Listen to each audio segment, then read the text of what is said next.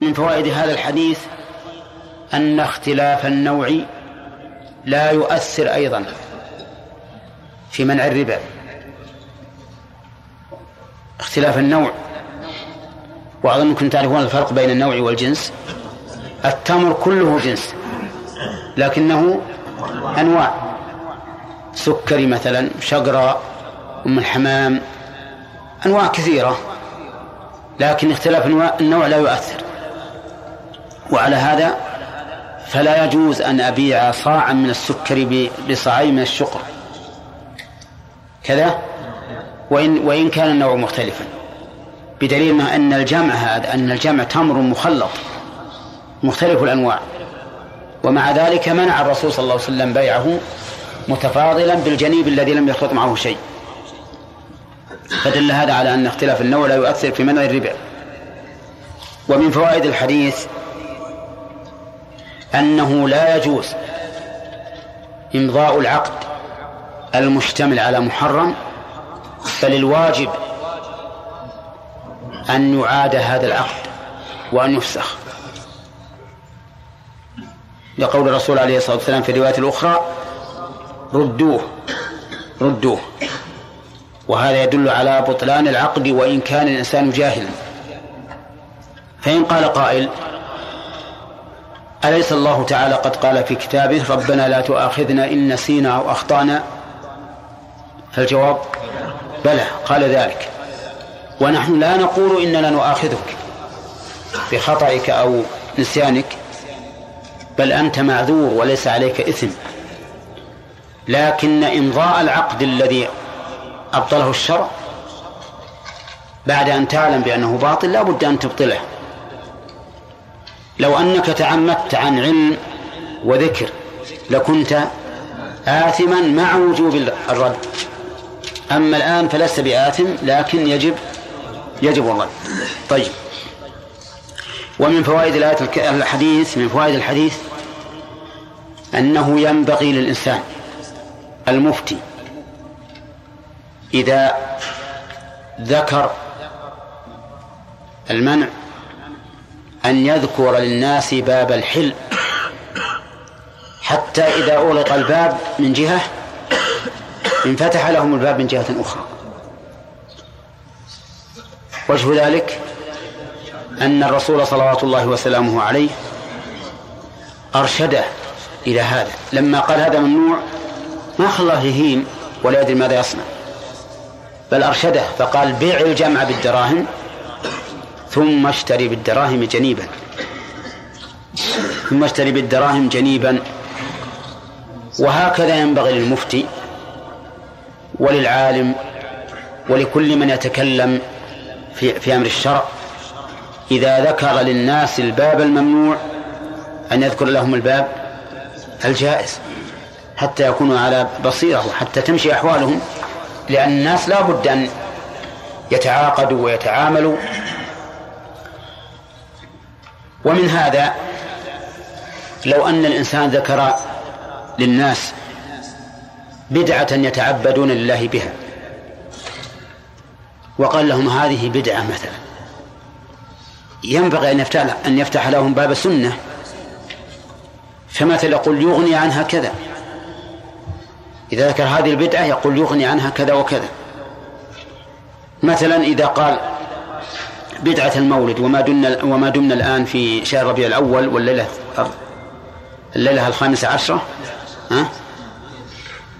فإننا قريبون قريب عهد بمن يحتفلون بالليلة الثانية عشرة من هذا الشهر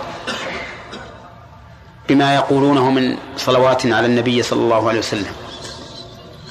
إذا قلنا لهم إن هذا بدعة وليس بسنة لا عن الرسول ولا عن الصحابة ولا عن التابعين ولا عن أئمة المسلمين. نقول بدلا من هذا الذي تدعون أن فيه ذكرى للرسول عليه الصلاة والسلام أن أن نقول لكم إن إن ذكر الرسول عليه الصلاة والسلام فرض كفاية على المسلمين كل يوم خمس مرات عند عند حلول الصلوات. في إيش؟ في الأذان. أشهد أن محمد رسول الله على رؤوس الأشهاد. وإن ذكر الرسول عليه الصلاة والسلام في كل عبادة. كل عبادة فالإنسان الفطن الكيس يذكر النبي عليه الصلاة والسلام. ليس يذكره باسمه لكن يذكر بالاتباع. كل عبادة لا بد فيها من الإخلاص لله عز وجل والمتابعة للرسول صلى الله عليه وسلم. وأنت حين تستحضر المتابعة سيكون في قلبك ها؟ ذكر للرسول عليه الصلاة والسلام. ثم في الصلوات الخمس السلام عليك أيها النبي فرض. إما إما أن تكون فرضا مرتين في الصلاة أو مرة واحدة. فإذا ذكرنا لهم هذه بدعة نقول عندكم سنن كثيرة. اشتغلوا بها عن هذه السنة عن هذه البدعة. فالمهم أن الإنسان الإنسان الذي ينبغي له الذي يتصدى للناس في الإفتاء أو غيره إذا ذكر لهم الشيء الممنوع فليذكر لهم الشيء الذي يحل محله. نعم. طيب. وهذا كما أنه مما وجه إليه الرسول صلوات الله وسلامه عليه فإنه مما وجه إليه الخالق عز وجل. فقال الله تعالى يا أيها الذين آمنوا لا تقولوا راعنا وقولوا انظرنا. لما منعهم من هذه اللفظة راعنا فتح لهم لفظ آخر لفظ آخر فقال وقولوا انظرنا حتى يستغنوا بما أباح الله عما حرم الله. ومن ذلك قول لوط عليه الصلاة والسلام لقومه أتأتون الذكران من العالمين؟ إيش بعده؟ وتذرون ما خلق رب لكم ربكم من أزواجكم. هؤلاء الأزواج مخلوق لكم تدعونهم وتذهبون إلى الشيء المحرم؟ فالحاصل أن هذه من من الأشياء التي وجه الله إليها في كتابه ووجهت إليها الرسل أنك إذا سددت بابا على الناس فافتح لهم أبواب الحلم. ومن فوائد هذا الحديث أن بعض العلماء استدل به على جواز العينة. على جواز العينة.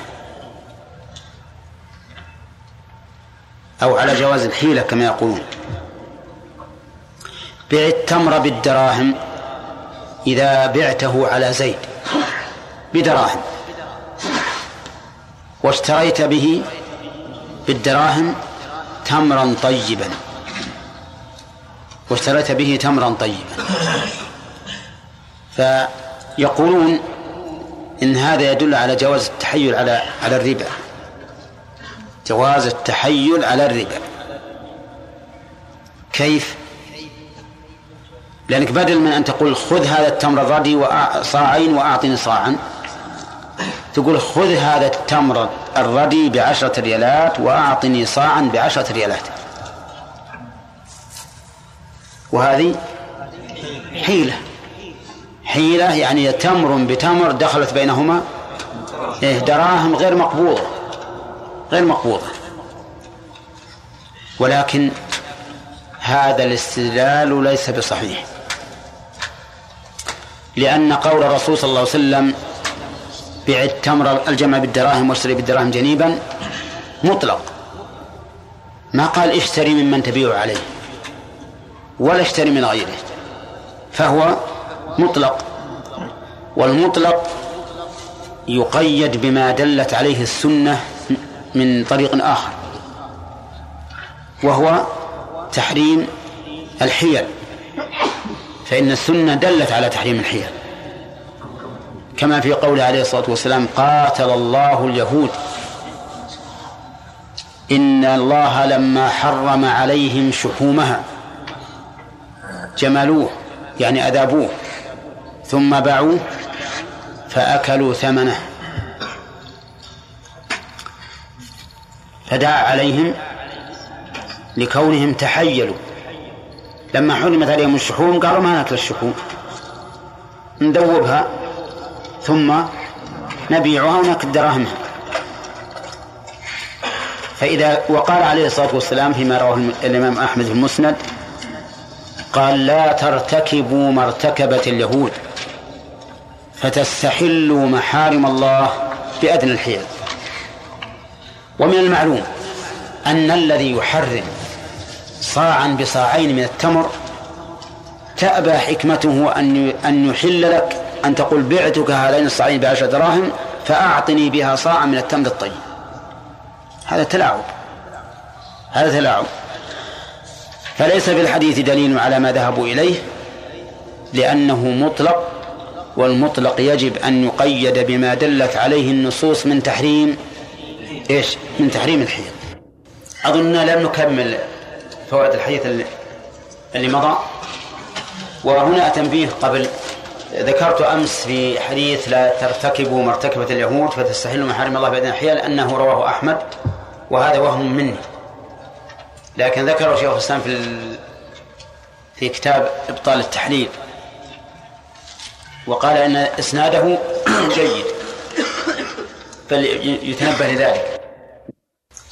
طيب ناخذ بقية الفوائد. من فوائد الحديث جواز اختيار الأجود من المأكولات. جواز اختيار الأجود من المأكولات وأنه لا ينافي الزهد. من أين يؤخذ؟ من أن النبي صلى الله عليه وسلم أقر الرجل على اختيار التمر الجيد ليطعم النبي صلى الله عليه وسلم. ولم نقل لا. فاختيار الأجود من الأنواع لا شك أنه جائز لهذا الحديث. ولا ينافي الزهد لأن الزهد حقيقته ترك ما لا ينفع في الآخرة. هذا الزهد والورع ترك ما يضر في الآخرة. ترك ما يضر. فالزهد أكمل من الوراء لأن الزاهد يترك كل شيء لا ينفعه في الآخرة. فإن قال قائل إذا قلنا إن اختيار الأجود من المأكولات لا ينافي الزهد فهل يمكن أن نحوله إلى زهد؟ فالجواب نعم. إذا قصد الإنسان التعبد بهذا المأكول الطيب لمنة الله به عليه وليعرف منة الله بذلك صار الآن صار عبادة فصار نافعا في الآخرة فصار نافعا في الآخرة. طيب ومن فوائد هذا الحديث جريان الذهب جريان الربا في الذهب والفضة. إذا خصصنا لفظ الميزان بهما أو في كل موزون إذا قلنا بالعموم وأنه لا يجوز التفاضل. ومن فوائد الحديث الرد على الذين قالوا بجواز الربا إذا لم يشتمل على ظلم حيث عللوا تحريم الربا بأنه ظلم وقالوا إذا انتفت العلة انتفى الحكم وبنوا على هذا جواز الربا للاستثمار لا إيش؟ لا للاستغلال جواز الربا للاستثمار لا للاستغلال من أين يؤخذ؟ من أن هذه المعاملة ما فيها ربا ما فيها ظلم أخذ منه صاع طيب ورد عليه صاعان رديئان. وكذلك باذل الزيادة. لم يظلم. لأنه يرى أن أخذ الصاع الطيب بالصاعين كسب له. وليس فيه ظلم عليه. فدل هذا على أن الربا ممنوع سواء وجدت العلة التي من أجلها ثبت الحكم أم لم توجد. أم لم توجد. وهذا الحديث لا شك أنه يدمر هؤلاء الذين قالوا بالجواز إذا كان الربا من أجل الاستثمار وتنمية الاقتصاد كما زعموا فنقول هذا الحديث ما فيه ظلم بل فيه اختيار وإرادة. طيب. ومن فوائد الحديث أيضا أن الله سبحانه وتعالى إذا حرم على عباده شيئا فتح لهم بابا بابا للحل. بل إننا نقول إن أبواب الحل أكثر من أبواب المال.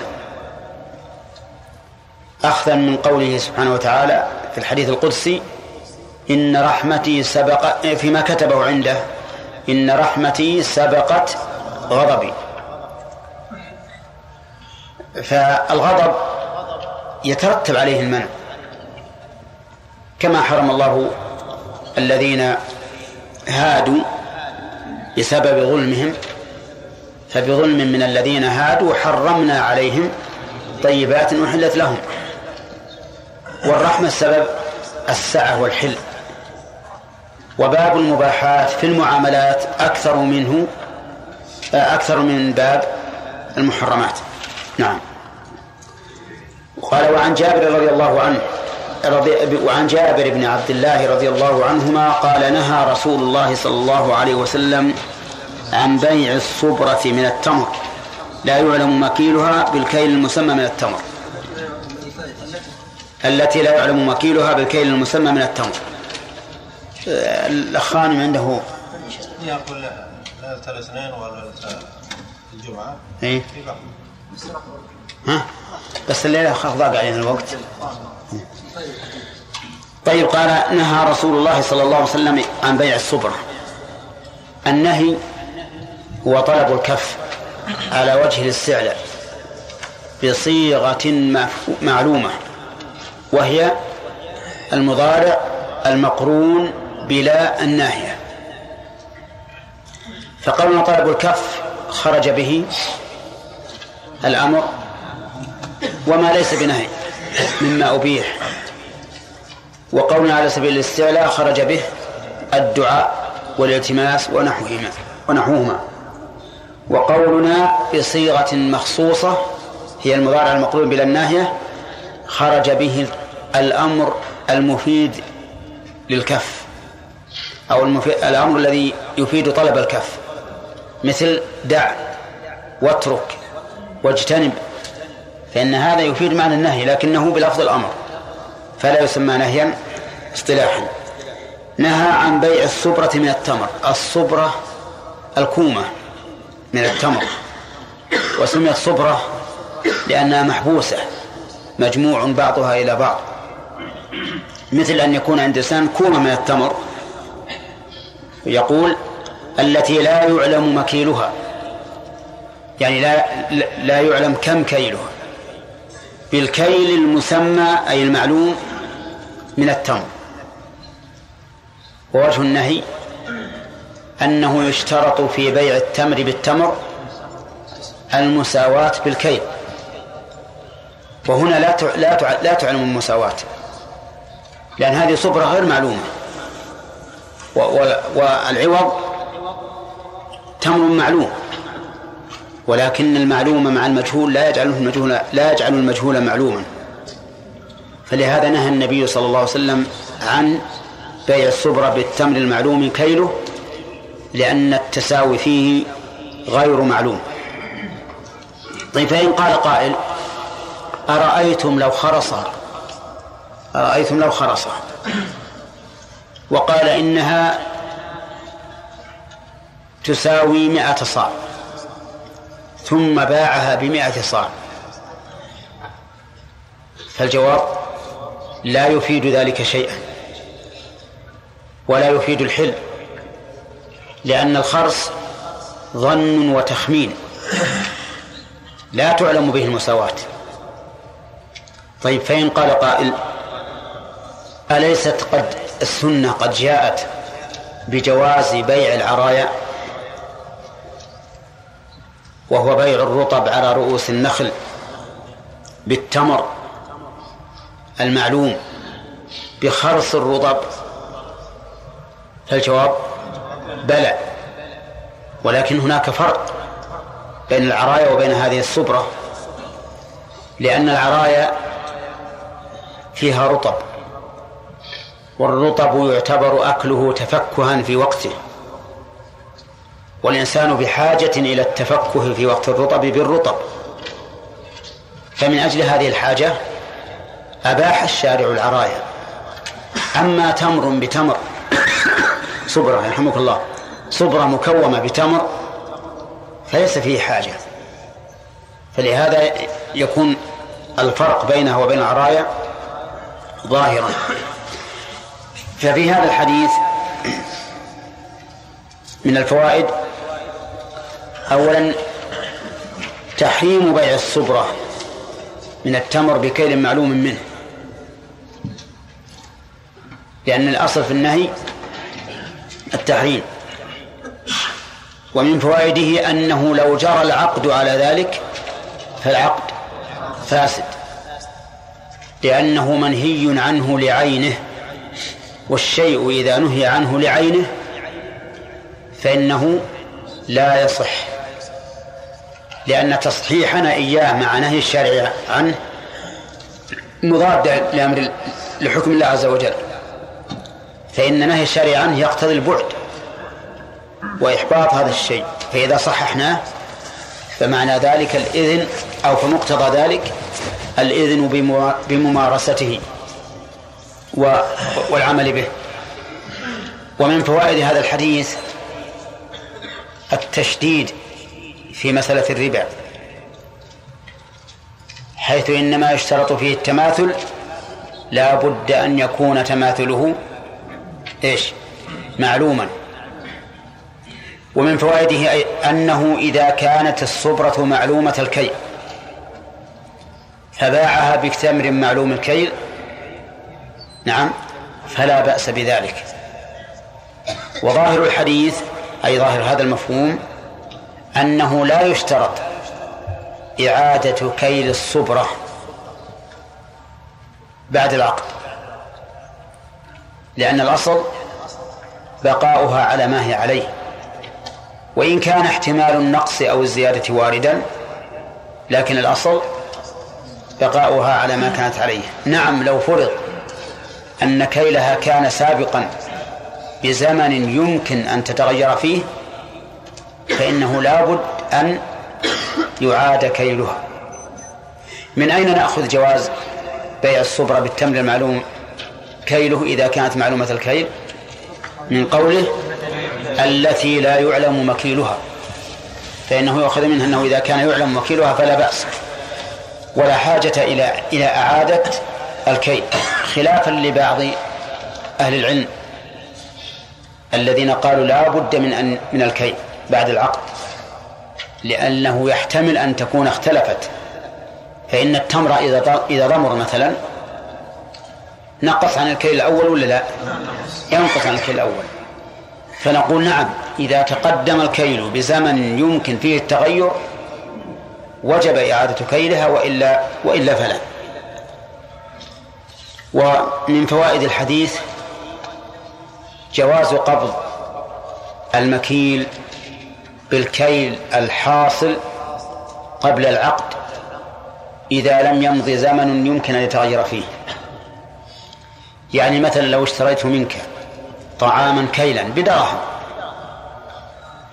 فإنه لا يجوز أن أبيعه حتى أكيله. هكذا جاءت السنة. لكن إذا كان البائع وقد كاله أمامي قبل العقد وعرفت أنه لم يتغير فإنه يجوز الاعتماد على الكيل الأول. والدليل على هذا. هذا الحديث. فإن ظاهره أنه إذا كانت الصبرة معلومة الكيل فلا حاجة إلى إعادة كيلها. كذلك هذا الماء الطعام الذي اشتريته مكايلة وقد كاله البائع بزمن لم يتغير فيه فلا بأس أن أقبضه بناء على إيش؟ على الكيل الأول. طيب. ومن فوائد الحديث أنه لا يجوز بيع صبرتين من التمر بعضهما ببعض. ها؟ لماذا؟ لأن هذا أشد جهالة مما إذا كان أحدهما معلوما. نعم. إلا إذا علمنا كيلهما بزمن لا يتغير فيه التمر فلا بأس. وعن وعن معمر بن عبد الله رضي الله عنه. نعم. نعم.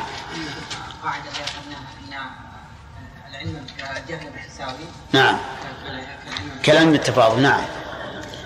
هذا يشير إلى القاعدة التي ذكرناها سابقا وهي أن الجهل بالتساوي كالعلم بالتفاضل. نعم. وعن معمر بن عبد الله رضي الله عنه قال إني كنت أص إيش؟ أسمع رسول الله صلى الله عليه وسلم يقول الطعام بالطعام مثلا بمثل. وكان طعامنا يومئذ الشعير. رواه مسلم. إني كنت أسمع. هذا حكاية حال ماضية بالفعل المضارع الدال على الحال. وفائدة التعبير هكذا. الإشارة إلى أنه يتصور الأمر وكأنه الآن. تأكيدا لضبطه إياه وإلا فمن الممكن أن يقول إني سمعت. ومن المعلوم لنا جميعا أن الرسول صلى الله عليه وسلم لم يكن دائما يتكلم بهذا وهذا يسمعه دائما. لكن سمعه مرة وقال كنت أسمع تحقيقا لضبطه لهذا السماع وأنه كأنه حاضر الآن. يقول الطعام مثل بالطعام مثلا بمثل. الطعام بالطعام مثلا بمثل يعني في القدر ولا في الكيفية؟ في الصفة. ها؟ في القدر. ليس بالصفة.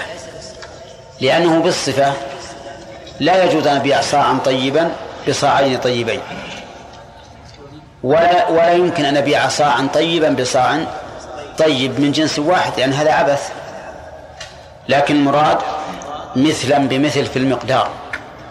وقد سبق لنا الاستشهاد بمجيء المثل بمعنى المقدار. في قوله تعالى الله الذي خلق سبع سماوات ومن الأرض مثلهن قال وكان طعامنا وكان طعامنا يومئذ الشعير أنا عندي هكذا. على أن طعام خبر مقدم. والتقدير وكان الشعير طعامنا يومئذ. وفائدة تقديم الخبر الحصر. يعني كان يقول ليس لنا طعام إلا الشعير. ويجوز أن أن يقال وكان طعامنا يومئذ الشعير. يعني الإخبار عن طعامهم بأنه الشعير لا عن الشعير بأنه طعامهم ولكن قد جاء صح في البخاري من حديث أبي سعيد الخدري رضي الله عنه في زكاة الفطر قال كنا نخرجها على عهد النبي صلى الله عليه وسلم صاعا من طعام وكان طعامنا الشعير والتمر والزبيب والأقط. والجمع بينهما إما أن يقال باختلاف الأحوال فأحيانا لا يوجد في الغالب إلا الشعير وقد توجد الأصناف الأربعة وإما أن يقال بأن الأصناف كلها موجودة ولكن أكثرها الشعير. وهذا هو هو الأقرب. إنها كلها موجودة لكن أغلبها الشعير. على كل حال هذا الحديث يدل على أن بيع الشعير بالشعير لا بد أن يكون متماثلا. ولكن قوله وكاء يقول الطعام بالطعام. قد يقال إن في ذلك إشارة إلى العلة إلى علة الربا وهي الطعم وهي الطعم ولكنه لا ولكن لا شك على هذا التقدير أنه لا يراد به كل مطعوم. إذا أريد به كل مطعوم لدخل حتى الماء لأن الماء عند الإطلاق يدخل في الطعام كما قال تعالى ومن لم يطعمه فإنه مني فمن شرب منه فليس مني ومن لم يطعمه فإنه مني إلا من اغترف غرفة بيده. ولكن المراد بالطعام ما يطعم على أنه قوت. فإن الناس في عهد الرسول صلى الله عليه وسلم يأكلون الطعام الشعير على أنه قوتهم. يعني الذي هو مدد غذائهم. وعلى هذا فيكون في هذا الحديث إشارة إلى القول الراجح في هذه المسألة وهو أن علة الربا في الأصناف الأربعة التي في حديث عبد الله بن الصامت هو الطعم لكن نضيف إلى ذلك الكيل لأن كل الأحاديث الواردة كذلك تقدر هذا بالكيل. وعلى هذا فالطعام المكيل الذي يطعم ويقتاده الناس هو الذي يجري فيه الربا. وأما الطعام الذي لا يكال أو ما ليس بقوتا فإنه ليس بش... لا, لا يجري فيه الربا. مثل الفاكهة على اختلاف أنواعها. نعم. والخضار والسدر والإشنان والحنة وما أشبهه. كل هذه ليس فيها ربا. طيب في هذا الحديث من الفوائد أولا أن بيع الطعام في الطعام لا بد أن يكون متماثلا لقول النبي صلى الله عليه وسلم مثلا بمثل. ثانيا بيان ما كان عليه الصحابة رضي الله عنهم من شرف العيش وأن طعامهم الشعير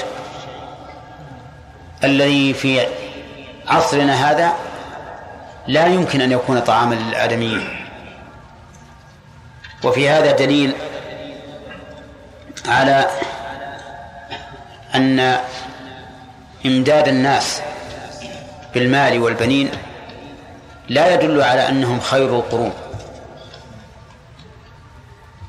لأنه بلا شك خير القرون هم الصحابة. ومع هذا فهذا حالهم في عهد نبيهم صلى الله عليه وسلم. ومن فوائد هذا الحديث جواز إخبار الإنسان عن نفسه وإن كان الإخبار يدل على البؤس. لقوله وكان طعامنا الشعير. والإنسان إذا أخبر بما يفيد البؤس عن نفسه فلا يخلو. إما أن يكون المقصود مجرد الخبر أو يكون المقصود التسخط على القدر أو يكون المقصود التشكي إلى المخلوق. فأما الأول رحمك الله الأول فلا بأس به. الأول لا بأس به. وقد قال لوط عليه الصلاة والسلام للملائكة هذا يوم عصيب. وأما الثاني الذي يقصد به إيش؟ التسخط ولوم القدر فإن هذا لا يجوز. قال الله تعالى في الحديث القدسي يؤذيني ابن آدم يسب الدهر وأنا الدهر. بيدي الأمر أقلب الليل والنهار. وأما الثالث وهو الذي يقصد به التشكي إلى المخلوق فهذا لا شك أنه أيضا لا يجوز. لا يجوز الإنسان أن يشكو الخالق إلى المخلوق. لأن المخلوق لا يرحمك والله يرحمك. ولهذا قيل وإذا شكوت إلى ابن آدم إنما تشكو الرحيم إلى الذي لا يرحمك إذا, شوك إذا شكوت إلى ابن آدم إنما تشكو الرحيم إلى الذي لا يرحم وهذا صحيح. والإنسان لا يجوز له أن يشكو الخالق عز وجل إلى أحد. فكيف إذا شكاه إلى مخلوق ضعيف؟ هذا المخلوق لو أصيب بمثلك يستطيع أن يزيل عن نفسه ذلك؟ لا. ابن عبيد رضي الله عنه درس اليوم. وعن فضالة بن عبيد رضي الله عنه قال اشتريت يوم خيبر قلادة باثني عشر دينارا؟ هذه قوله اشتريت يوم خيبر؟ يعني يوم فتح خيبر وكانت خيبر حصون ومزارع لليهود. تقع في الشمال في, في, في الشمال الغربي عن المدينة على بعد نحو مئة ميل. وقد فتحها النبي صلى الله عليه وسلم في عام ستة من الهجرة. ولما فتحها طلب منه اليهود أن يبقيهم عمالا فيها. لأنهم أهل حرث وزرع على أن يكون لهم الشطر وللنبي صلى الله عليه وسلم الشطر. فوافقهم على هذا لأن الذين معه من المهاجرين والأنصار مشغولون معه بمصالح المسلمين من الجهاد وغيره ولأن هؤلاء أهل زرع وحرث فهم أعلم بحروثهم وزروعهم. المهم أن النبي عليه الصلاة والسلام غنم منها مغانم منها مغانم الذهب. فكانت هذه القلادة مما غنم. فبيعت باثني عشر دينارا. وهذا وهذه رواية مسلم. وقد اختلفت الروايات في مقدار الثمن الذي بيعت به. اختلافا كثيرا. حتى إن بعضهم ادعى أن الحديث ضعيف لاضطرابه. لأن اضطراب الرواة كما تعرفون في نقل الحديث يؤدي إلى ضعفه. إذا لم يمكن الجمع ولا الترجيح. لأن الاضطراب يشترط فيه شرطان. أن لا يمكن الجمع وأن لا يمكن الترجيح. فإن أمكن الجمع جمع وزال الاضطراب وإن أمكن الترجيح أخذ بالراجح وشذذ ما سواه. ولكن الصحيح ولكن الصحيح ما حققه ابن حجر رحمه الله أن الاختلاف في مثل هذا لا يضر لأن هذا الاختلاف لا يعود إلى أصل الحديث إذ أن أصل الحديث متفق عليه وهو بيع قلادة بذهب. أما المقدار فلا يتعلق به حكم. ونظير ذلك اختلاف الرواة في مقدار ثمن جمل جابر. فقد اختلفوا فيه اختلافا كثيرا ومع ذلك لم يعد هذا من من الاضطراب لأن الاختلاف ليس في أصل الحديث. أما نعم الاختلاف في أصل الحديث مثل أن يكون أحدهم روى النهي والثاني رواه بلفظ الأمر أو ما أشبه ذلك مما مما يعود إلى أصله فهذا نعم يحكم فيه بالاضطراب إذا لم يمكن الجمع ولا الترجيح. طيب على كل حال نحن لا يهمنا مقدار الثمن. الذي يهمنا صيغة العقد والمعقود عليه. جنسه أما قدره فلا يهم. قال فيقول اثنى عشر دينارا فيها ذهب وخرز. فيها ذهب وخرز. كما هي العادة في القلادة؟ أن يكون فيها خرز من ذهب وخرز من خزف أو نحوه. يقول ففصلتها فوجدت فيها أكثر من اثني عشر دينارا. يعني وجدت فيها من الذهب أكثر من اثني عشر دينارا وذلك بالوزن. فكان الذهب الذي فيها يزن أكثر من اثني عشر دينارا. ومعلوم أن بيع الذهب بالذهب لا بد فيه من التساوي.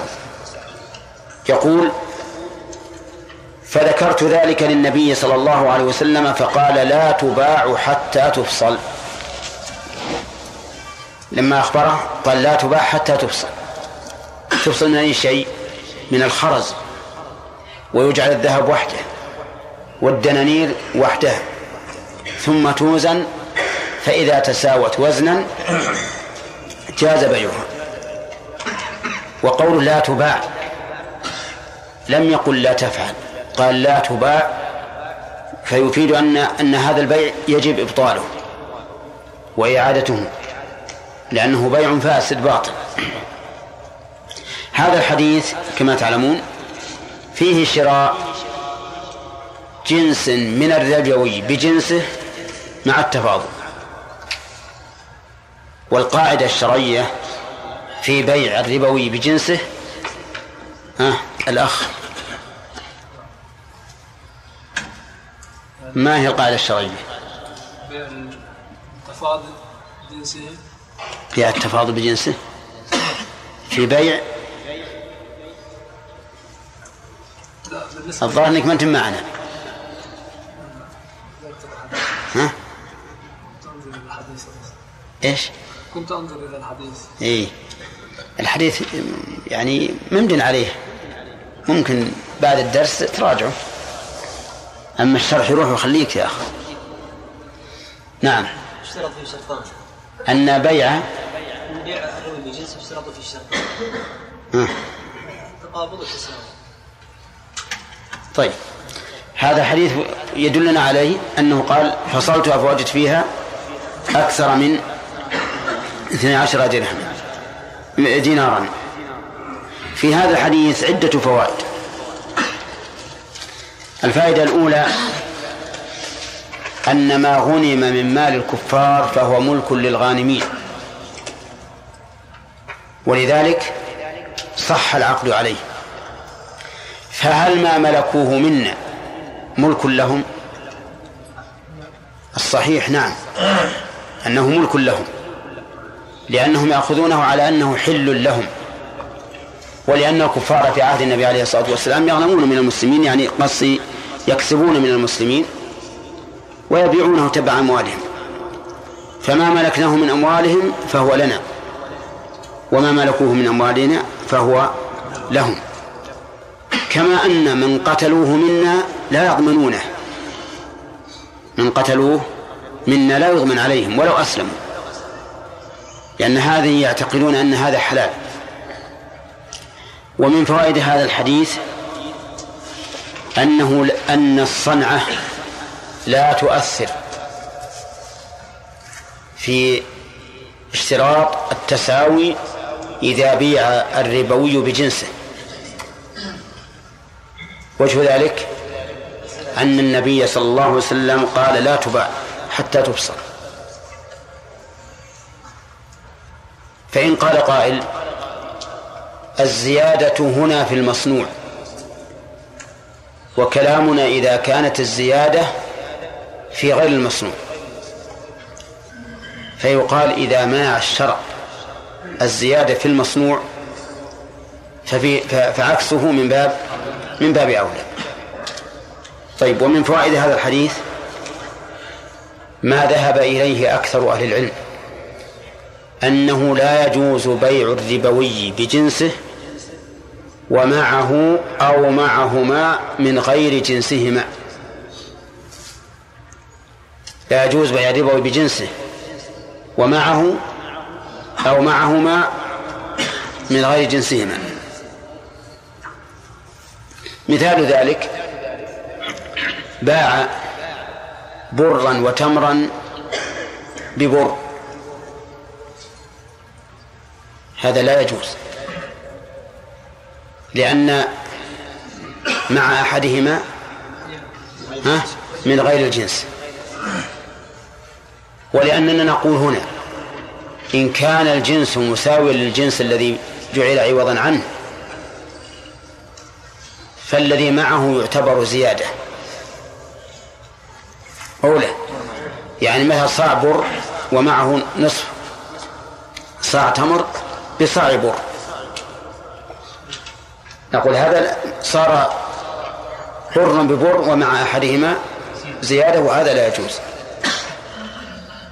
وإن كان البر الذي بيع البر الذي معه التمر وبيع بالبر أنقص. من البر الذي جعل عوضا عنه. فقد بيع البر بالبر مع إيش؟ التفاضل وهذا أيضا لا يجوز. فإن كان البر المفرد أطيب من البر الذي معه غيره بحيث تكون قيمة الشيء الاثنين مساوية لقيمة البر. فهذا أيضا لا يجوز. لأنه سبق لنا أن الوصف لا يبيح الزيادة. طيب فإن, كان المفرد الذي ليس معه شيء أكثر من الذي معه شيء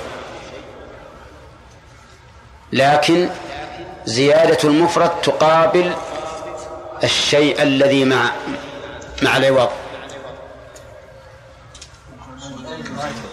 فهل يجوز؟ لا يجوز. يعني مثال ذلك. باع صاعا باع صاعين من البر بصاع من البر وصاع من التمر. والقيمة سواء. ها؟ هذه المسألة فيها خلاف بين أهل العلم. فمنهم من قال إنها تجوز. جعل للصاع الزائد عن عن الصاع يعني جعل للمفرد للزائد في المفرد في مقابل المشفوع في المثنى. واضح؟ ها؟ يعني يقول هذان الصاعان من البر. بصاع من البر وصاع من التمر.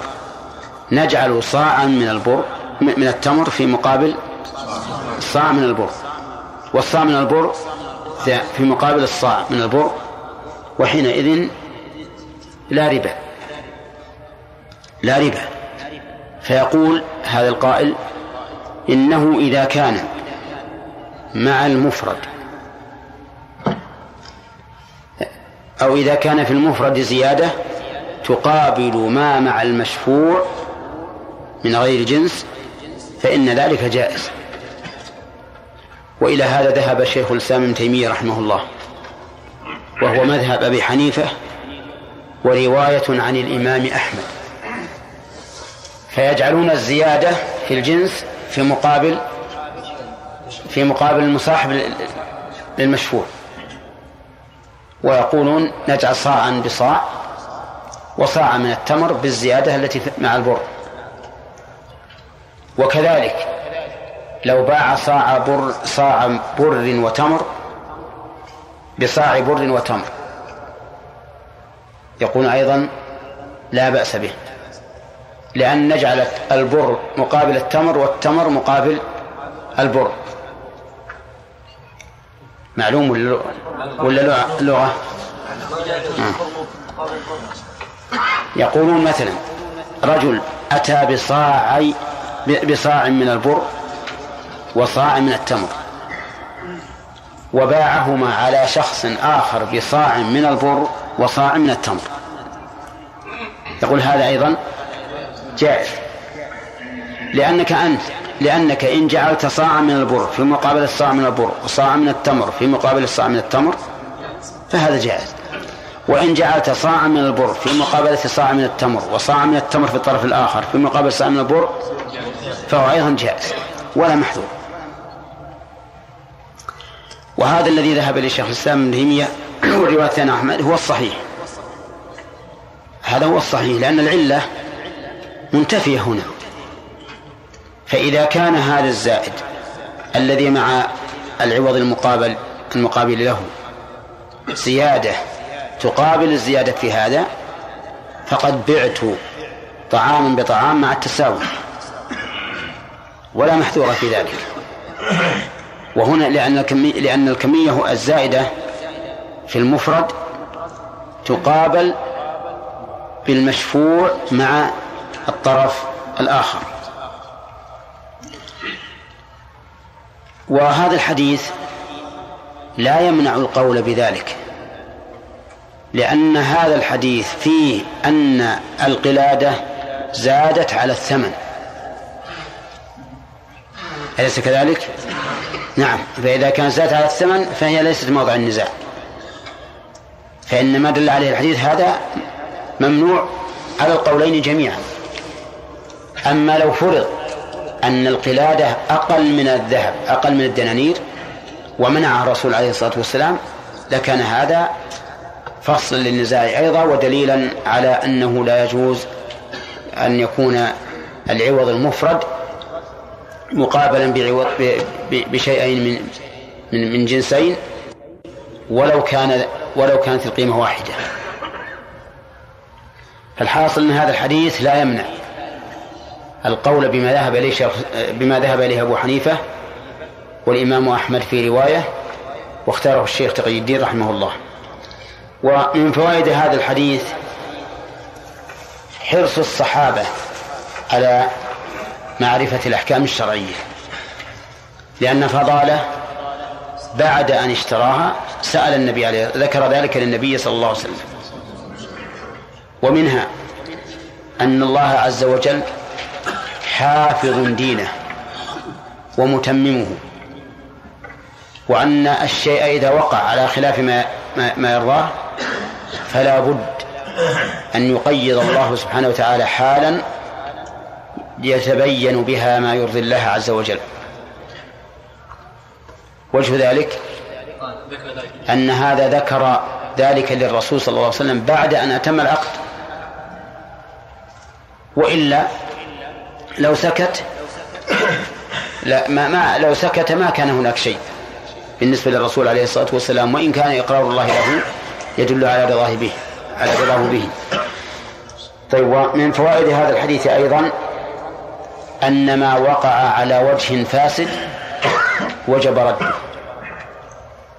لقوله لا تباع حتى تفصل ولا فرق في ذلك بين أن يكون الإنسان عالما أو جاهلا. فلو عقد عقدا فاسدا وهو جاهل فإن العقد لا يصح. ولكن لا يؤاخذ الإنسان بهذا العقد إذا كان جاهلا لقوله تعالى ربنا لا تؤاخذنا إن نسينا أو أخطأنا. ومن فوائد هذا الحديث سد الذرائع الموصلة إلى الربا مما يدل على أن على أن الربا أمره عظيم وأن الشارع سد كل ذريعة كل ذريعة تؤدي إلى الربا. وإلا فمن الجائز أن يقال إن القيمة تعتبر واحدة لأن الذهب المصوغ دون الذهب غير المصوغ. وعن سمرة بن جندب رضي الله عنه أن النبي صلى الله عليه وسلم نهى عن بيع الحيوان بالحيوان نسيئة.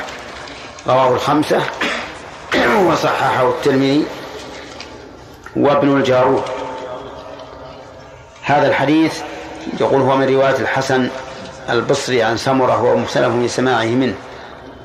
قال الأثرم قال أبو عبد الله لا يصح سماعه منه. وأحاديث المنع كلها ليس ليس منها حديث يعتمد عليه. انتهى. نعم. هذه المسألة الحديث ظاهر. يقول نهى عن بيع الحيوان بالحيوان نسيئة أي مؤخرا بدون قبض. والحيوان عرفا هو البهيم. ولا يطلق على الإنسان حيوان. وما ذهب إليه المناطقة من وصف الإنسان بأنه حيوان ناطق فهو اصطلاح. وإلا فإن العرف وأظن اللغة العربية أيضا لا تسمي الإنسان حيوان. وقوله نهى عن بيع الحيوان بالحيوان أي في حال حياتهما. وأما بعد الذبح فإنه لا يسمى حيوانا وإنما يسمى لحما. ففهم من هذا الحديث تحريم بيع الحيوان بالحيوان نسيئة. مثل أن يبيع الإنسان بعيرا ببعير بدون قبض. وظاهر الحديث أنه لا فرق بين أن يكون البعيران من جنس أو من من جنسين. مثل أن يبيع بعيرا ببقرة أو بعيرا ببعير. ولكن هذه المسألة فيها خلاف. فمن العلماء من قال الحيوان بالحيوان أي من جنسه. كبيع البر بالبر. أما إذا كان من غير الجنس فإنه لا بأس ببيعه به نسيئة. مثل أن يبيع بقرة ببعير أو بقرة بثلاث شياه أو أربع أو ما أشبه ذلك. قالوا لأنه إذا كان لا يجري الربا في بيع الجنس بغير جنس في الطعام ففي الحيوان من باب أولى. لأن الحيوان لا يكال ولا يوزن فليس فيه علة ربا. النسيئة. وإذا قلنا بأن الحديث ليس بصحيح وأنه منقطع فإنه يجوز أن يباع الحيوان بالحيوان نسيئة. كما يجوز بيع الحيوان بالحيوان آه، يعني مقبوضا. مقبوضا غير مؤخر. وسيأتي إن شاء الله في حديث بن عمر.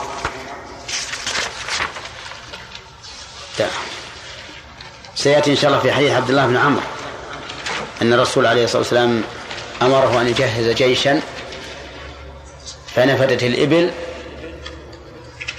فكان يأخذ البعير بالبعيرين والبعيرين بالثلاثة فإن هذا الحديث فيه التفاضل مع النسيئة طيب ثم قال وعن ابن عمر رضي الله عنهما قال سمعت رسول الله صلى الله عليه وسلم يقول فوائد الحديث نعم. فوائد الحديث إذا صح النهي عن بيع الحيوان بالحيوان بدون قبض. وجواز بيع الحيوان بالحيوان مع القبض. وظاهره أنه لا فرق. بين أن يكونا متساويين كبعير ببعير أو أحدهما أكثر من الآخر كبعير ببعيرين. قال وعن ابن عمر رضي الله عنهما قال, قال سمعت رسول الله صلى الله عليه وسلم يقول إذا تبايعتم بالعينة وأخذتم بأذناب البقر ورضيتم بالزرع وتركتم الجهاد سلط الله عليكم ذلا لا ينزعه حتى ترجعوا إلى دينكم. رواه أبو داود من رواية نافع عنه يعني عن ابن عمر وفي إسناده مقال ولأحمد نحوه من رواية عطاء ورجاله ثقات وصححه ابن القطان. ها؟ وأخذتم؟ و... نعم وأخذتم أذناب البقر نعم. طيب يقول إذا تبايعتم بالعينة تبايعتم يعني أوغاتم عقود البيوع. وسمي هذا العقد مبايعة لأن كل واحد من المتعاقدين يمد باعه إلى الآخر ليسلمه العوض. فالمشتري يمد باعه إلى البائع ليسلمه الثمن. والبائع يمد باعه إلى المشتري ليسلمه المثمن. طيب. وقوله بالعينة العينة فعلة يعني على وزن فعلة من العين وهو الورق أو الذهب أو النقد عموما. والمراد به بالعينة أن يبيع شيئا بثمن مؤجل ثم يشتريه بأقل منه نقدا. هذه العينة. أن يبيع شيئا بثمن مؤجل ثم يشتريه ممن باعه عليه بأقل منه نقدا. سواء كان هذا الشيء ربويا أم غير ربوي.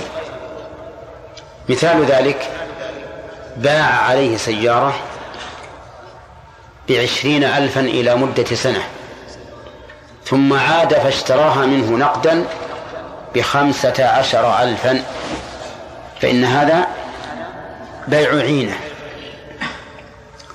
وسمي بذلك لأن لأن المشتري لم يرد البيع لم يرد السلعة وإنما أراد العين. أي النقد أي النقد لينتفع به. ودليل ذلك أنه اشتراها بثمن زائد مؤجل ثم باعها على من؟ من اشتراها منه بنقد. فكأن فكأنه لم يقصد هذه السلعة وإنما قصد الثمن دراهم. فلهذا سمي بيع عينة. طيب هذا هذا بيع محرم لأنه رتبت عليه عقوبة وإنما كان بيعا محرما لأنه وسيلة إلى الربا بحيلة والحيل لا تبيح المحرمات ولا تسقط الواجبات. الوصف الثاني وأخذتم أذناب البقر ورضيتم بالزرع. وهاتان الجملتان متلازمتان.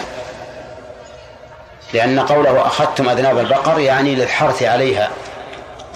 فإن الحارث على البقرة يكون وراءها يسوقها. فيأخذ بذنبها ويسوقها. رضيتم بالزرع يعني زرع الأرض الذي حرثتم عليها أو حرثتم بها على هذه البقرة. وتركتم الجهاد. يعني لم تجاهدوا في سبيل الله لا بأموالكم ولا بأنفسكم ولا بألسنتكم ولا بأقلامكم. ركنتم إلى الخلود ولم تتحركوا لنصرة دين الله عز وجل. والغالب أن هذا ملازم لهذا يعني أن الذي ينهمك في طلب الدنيا ويتحيل على الحصول عليها حتى بما حرم الله الغالب أنه يترك الجهاد. لأن قلبه انشغل بالدنيا عنه. قال إذا حصلت هذه الثلاث الأربع سلط الله عليكم ذلا لا ينزعه حتى ترجعوا إلى دينه سلط الله عليكم ذلا يعني ضربكم بذل والذل ضد. العز. صرتم أذلة أمام الناس. حتى ترجعوا إلى دينكم يعني إلى إقامة الدين على الذي يرضاه الله عز وجل. لأن الإنسان لا يخرج بهذا بهذه الأوصاف عن الإسلام لكنه يخرج عن كمال الإسلام. كما هو معروف. هذا حديث فيه الوعيد الشديد على من اتصفوا بهذه الصفات الأربع. التحيل في بيعهم على المحرم على الربا والثاني الرضا بالحرث وأذناب البقر عن الجهاد في سبيل الله. و نعم يقول هي ثلاث ولا أربعة؟ أه؟ إذا تبعتم بالعينة وأخذتم أذناب البقر ورضيتم بالزرع وتركتم الجهاد أربعة. لكن فيها شيء ملازم للشيء. إذا حصل هذه الأوصاف سلط الله على الأمة هذا الذل الذي لا ينزعه حتى يرجع إلى دينه. ففي هذا الحديث عدة فوائد. الفائدة الأولى تحريم بيع العينة. وهي كما وصفت لكم. أن يبيع شيئا بثمن مؤجل ثم يشتريه بأقل منه نقدا. مثل أن يبيع سيارة بعشرين ألفا ثم يشتريها من مشتريها بخمسة عشر ألفا نقدا. هذه عينة. طيب فإن اشتراها من غير مشتريها يعني بأن باعها الذي اشتراها منه ثم اشتراها الأول من المشتري الثاني. فإن هذا ليس من العين. لأنه ليس فيه حيلة إلا أن يكون هناك مواطأة بأن يقول البائع الأول للمشتري بعها على فلان فأشتريها منه. فإن الحيل لا تنفع. طيب فإن باعها بعد أن تغيرت صفتها ثم اشتراها البائع بأقل مما باعها به بعد تغير الصفة فهل هذا جائز؟ ها. ينظر بالنقص إن كان في مقابل ما نقص من قيمتها التي باعها به فإن هذا لا بأس به مع أن الورع تركه لئلا ينفتح الباب. مثاله باع عليه سيارة بعشرين ألفا إلى سنة ثم حصل عليها حادث فنقصت قيمتها خمسة آلاف. فاشتراها بخمسة عشر ألفا. فهل يجوز هذا أم لا؟ يجوز لكن مع ذلك الأورع تركه والأحوط لئلا يكون ذريعة إلى بيع العينة. طيب فإن اشتراها بأقل لنقص السعر لا لفوات صفة. فالظاهر أن ذلك لا يجوز. يعني مثل أن كانت تساوي عشرين ألفا لكن نزل السعر. فاشتراها بما بقدر ما نزل فقط. لا بالفرق بين النقد والمؤجل. فالظاهر أن ذلك لا يجوز وإن اختلف السعر لأنه حيلة حيلة ظاهرة. طيب فإن اشتراها بمثل ما باعها به. نعم. فهذا لا بأس به. لأنه من الجائز أن يبيعها عليه بعشرين ألفا إلى سنة وهي تساوي خمسة عشر ألفا ثم ترتفع الأسعار فتكون تساوي خمس عشرين ألفا نقدا. فاشتراها بعشرين ألفا. يعني بمثل ما باعها به فإن هذا لا بأس به. فصارت مسائل العينة الآن لها عدة صور. صور جائزة وصور ممنوعة. الممنوعة أن يبيعها بثمن مؤجل ثم يشتريها إيش؟ بأقل منه. أن يبيعها بثمن مؤجل ثم يشتريها بأقل منه لنقص السعر. هذه الثنتين لا, لا تجوز. أن يبيعها بثمن مؤجل ثم يشتريها بأقل منه وتكون ويكون النقص بمقدار ما نقص من صفتها لحدوث عيب فيها أو هزال في حيوان. فهذه جائزة ولكن الأولى تركها. طيب. الرابعة أن يبيعها أن يشتريها بمثل ما باعها به. فهذا جائز لأنه ليس فيه محذور. الخامسة أن يشتريها بأكثر مما باعها به. فهذا أيضا جائز من باب أولى لأنه ليس في ذلك محذور. نعم. هذا الحديث اللي شرعنا فيه. قال النبي صلى الله عليه وسلم إذا تبايعتم بالعينة. إذا تبايعتم بالعينة وأخذتم بأذناب البقر. العينة قلنا هي أن يبيع الشيء بثمن مؤجل ثم يشتريه بأقل منه نقدا. ها؟ الفوائد هي؟ إيه، طيب إذا ما لا. ناخذ الفائدة ناخذ الفوائد. من فوائد الحديث التحذير من التشاغل ببيع العينة. لقوله إذا تبايعتم بالعينة. إذا تبايعتم بالعينة. وهل هذا التحذير على سبيل التحريم أو على سبيل الإرشاد؟ نقول هو على سبيل التحريم. من أين أخذنا ذلك؟ أخذنا ذلك من أنه حيلة واضحة قريبة على الربا. حيلة واضحة قريبة على الربا. لأن لأنني إذا بعت عليك هذه السيارة بعشرين ألفا إلى سنة ثم رجعت فأخذتها من بخمسة عشر ألفا نقدا كأنما أعطيتك خمسة عشر ألفا نقدا بإيش؟ بعشرين ألف ألفا إلى سنة. وهذا حيلة ولهذا قال ابن عباس فيها إنها دراهم بدراهم دخلت بينهما حريرة. حرير يعني خرقة. وكأنما سئل عن بيع مثلا ثوب من الحرير بكذا مؤجل واشتري بكذا نقدا.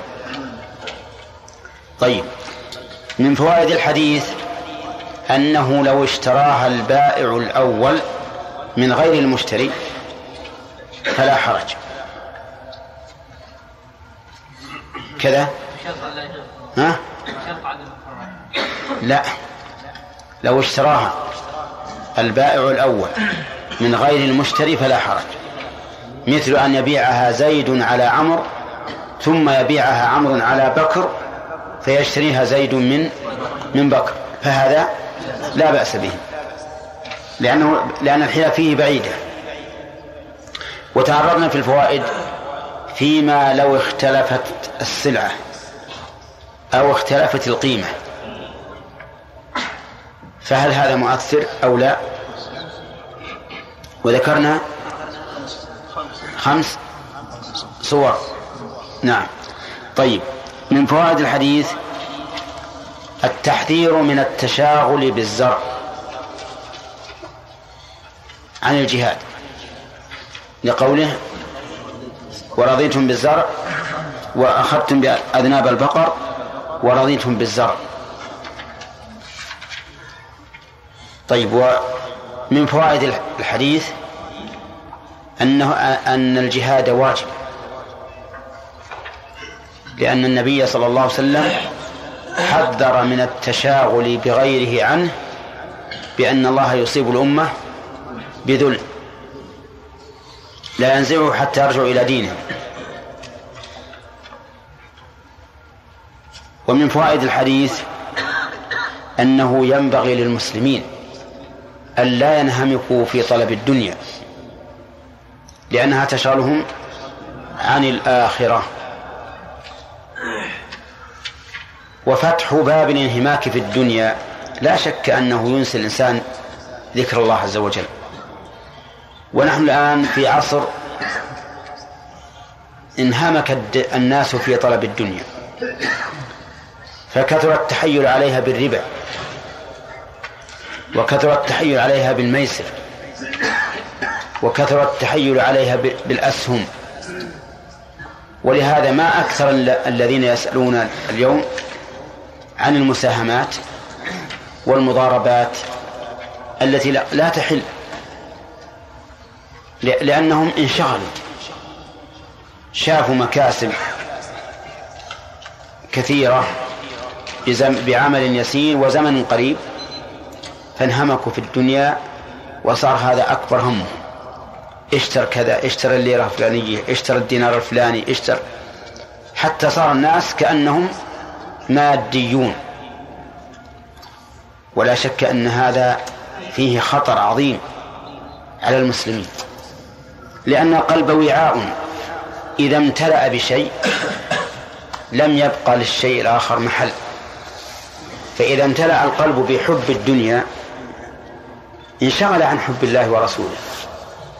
وصار الإنسان ليس له هم ليس له هم إلا الكسب ولكننا نحمد الله أيضا أنه نحمد الله على كل حال ونحمد الله أنه يوجد كثير من الناس لا يقدمون على مثل هذه المضاربات وهذه الصفقات إلا بعد السؤال. وهذا شيء لا شك أنه من نعمة الله.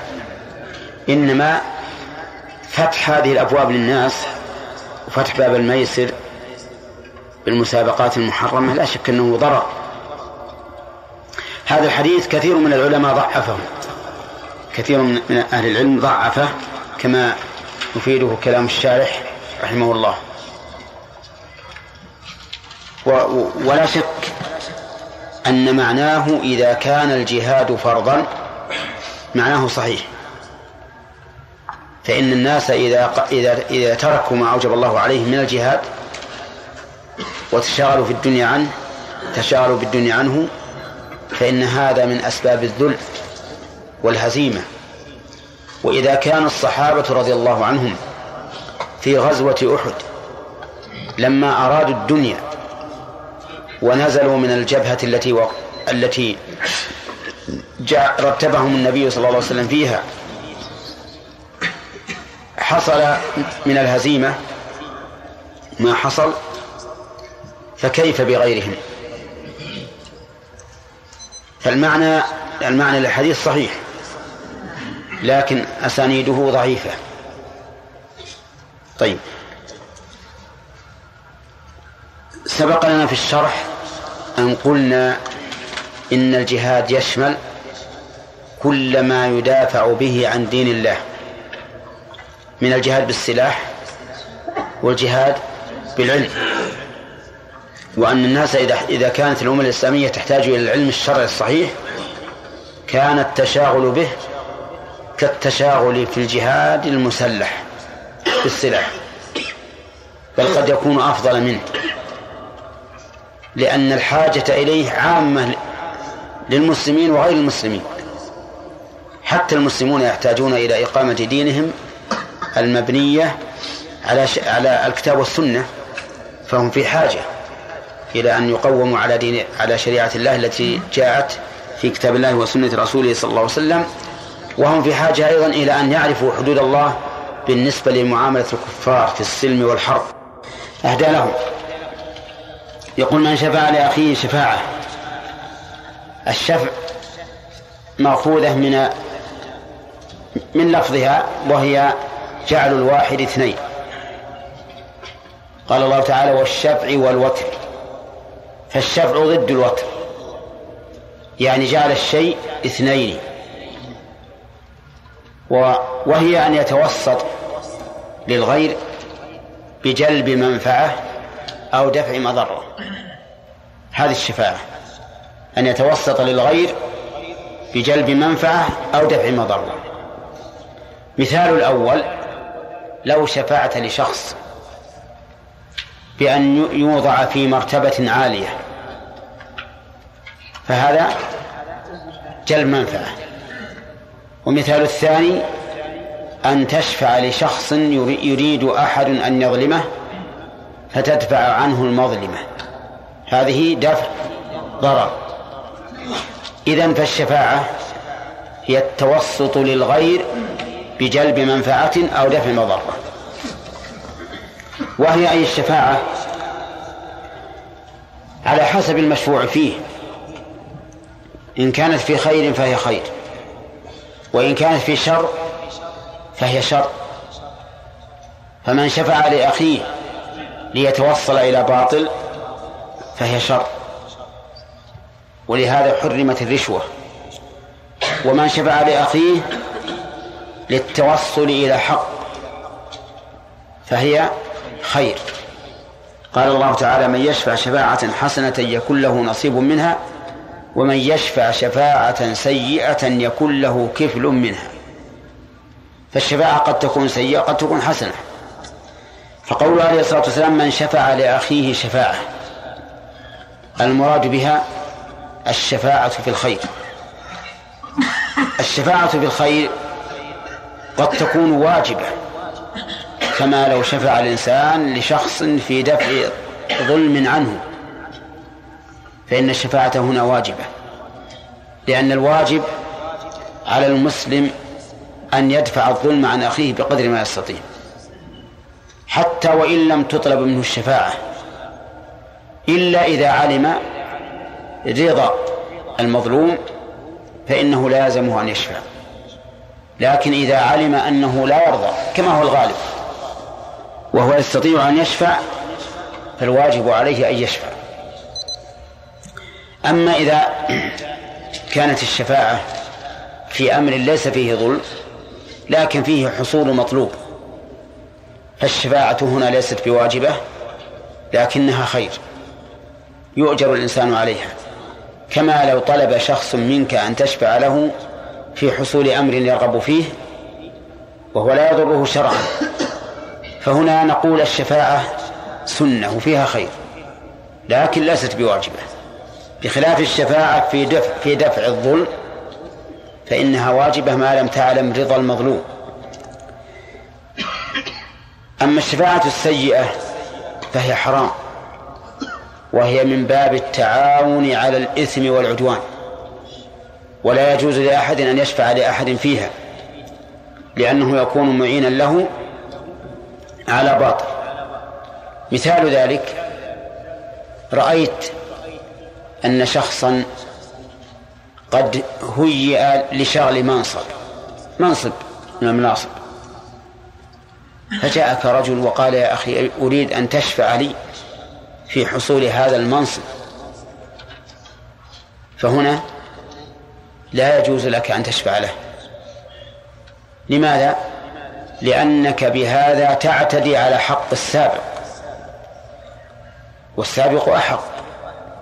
اللهم إلا إذا علمت أن السابق ليس بأهل وأنه ربما يولى هذه المرتبة وهو ليس لها بأهل فحينئذ لا بأس أن تشفع لهذا الرجل إذا كان أهلا لأنك في هذه الحال مصلح. تريد أن تحول بين هذا الرجل الذي ليس بأهل وبين المرتبة التي يريد أن يشغلها. الحاصل أن الشفاعة في الحقيقة تكون بحسب المشفوع فيه إن خيرا فخير وإن شرا فشر. يقول عليه الصلاة والسلام من شفع لأخيه شفاعة فأهدى له هدية. يعني أعطاه شيئا في مقابل شفاعته. فقد أتى بابا عظيما من أبواب الربا. المراد أتى بابا عظيما من أبواب الربا الربا اللغوي وهو الزيادة دون الربا الشرعي وهو الزيادة في أشياء مخصوصة. لأن الربا الشرعي الذي هو الزيادة في أشياء مخصوصة لا ينطبق على هذا. لكن الربا اللغوي نعم ينطبق عليه. كيف الربا اللغوي؟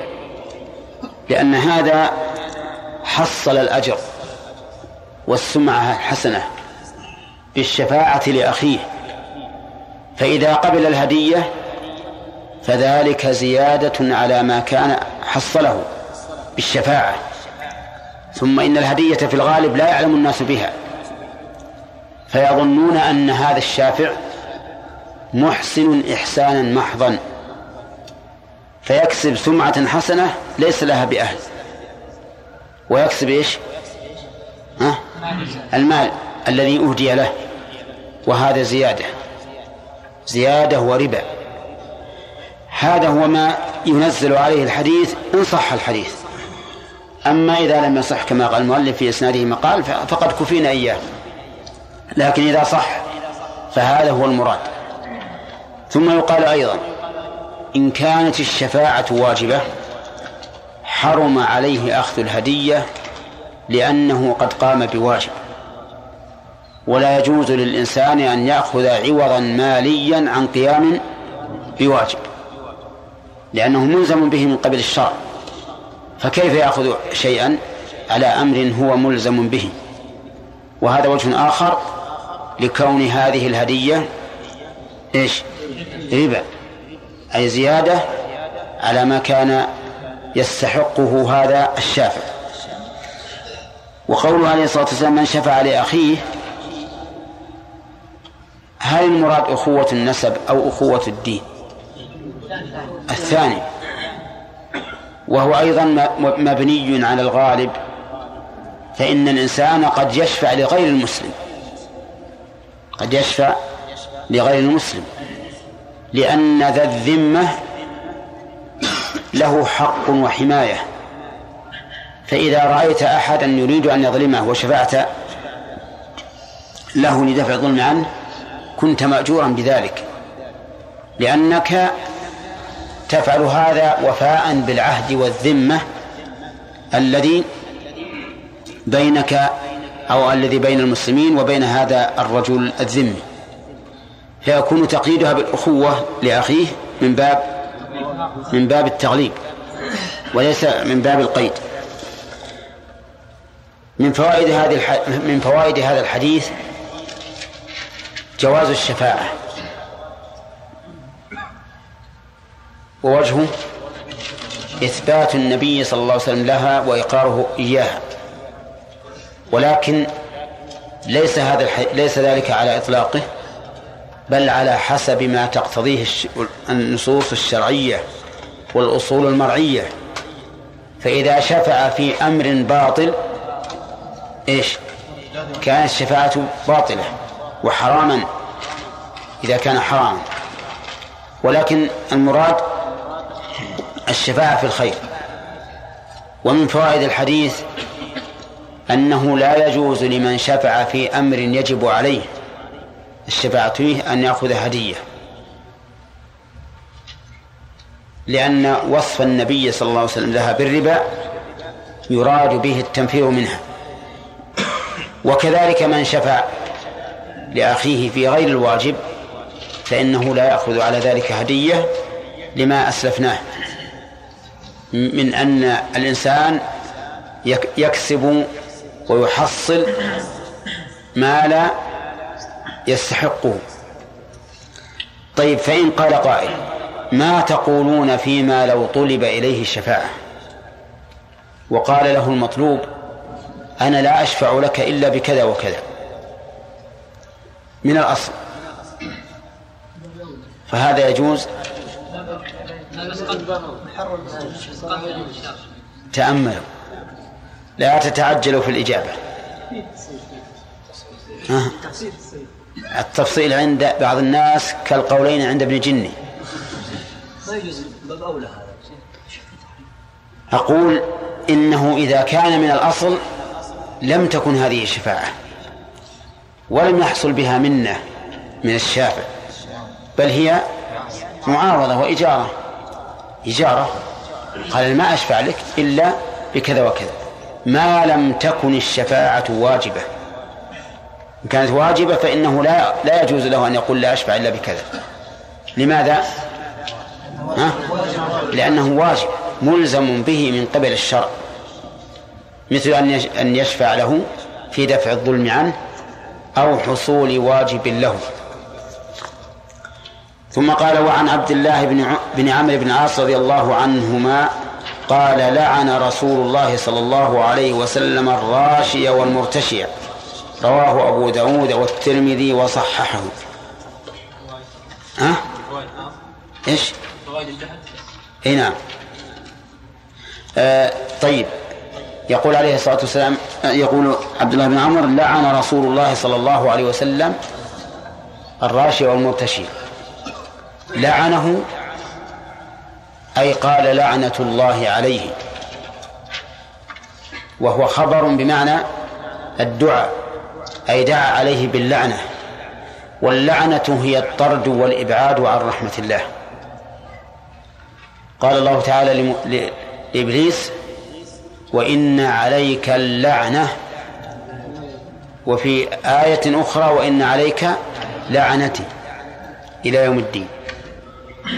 أي أنها حقت عليه اللعنة وهو الطرد والإبعاد عن رحمة الله والعياذ بالله. أبد الآبدين. لأن قوله إلى يوم الدين لا يقتضي أنه بعد يوم الدين ترتفع اللعنة عنه. لكن من لعن إلى يوم الدين فهو ملعون أبد الآبدين. نسأل الله العافية. طيب. لعن أي دعا عليه باللعنة. أي بالطرد والعبادة عن رحمة الله. الراشية والمرتشية. الراشي با الراشي باذل الرشوة والمرتشي آخذ الرشوة والرشوة بفتح الراء وكسرها وضمها مثلثة مثلثة الراء. كذا؟ طيب يعني تقول رشوة فيكون صحيحا. رشوة صحيح. رشوة صحيح. مثلث الراء. يقال مثلث الراء ويقال بالمثلثة. وبينهما فرق. إذا قيل مثلث الراء فهي باعتبار الحركات. وإذا قيل بالمثلثة باعتبار النقط. باعتبار النقط. فالثاء نقول فيها مثلثة. ورشوة مثلا نقول بتثليث الراء. نعم. ما هي الرشوة؟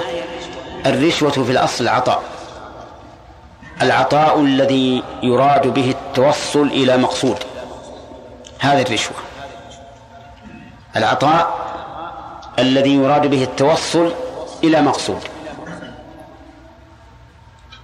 مأخوذة من الرشا. الرشا الذي هو حبل الدلو الذي ينزل في البئر للسقيا.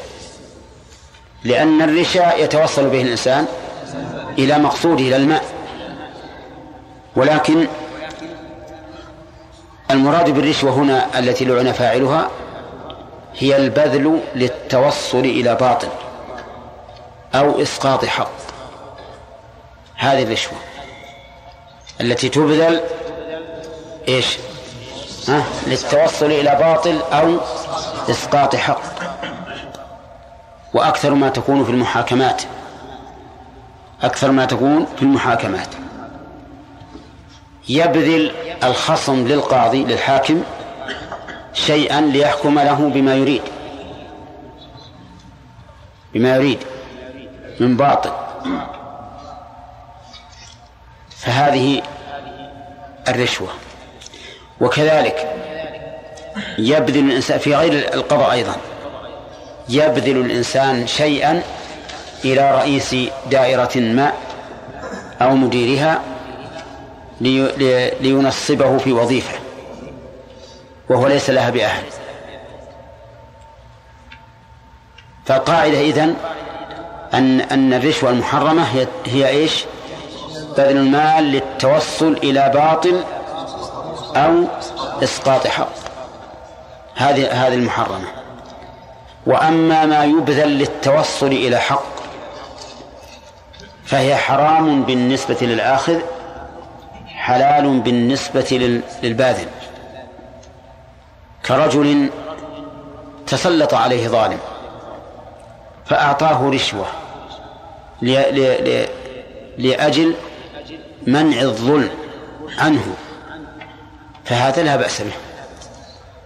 إنسان آخر له حق ولا يستطيع التوصل إلى حقه إلا بإيش؟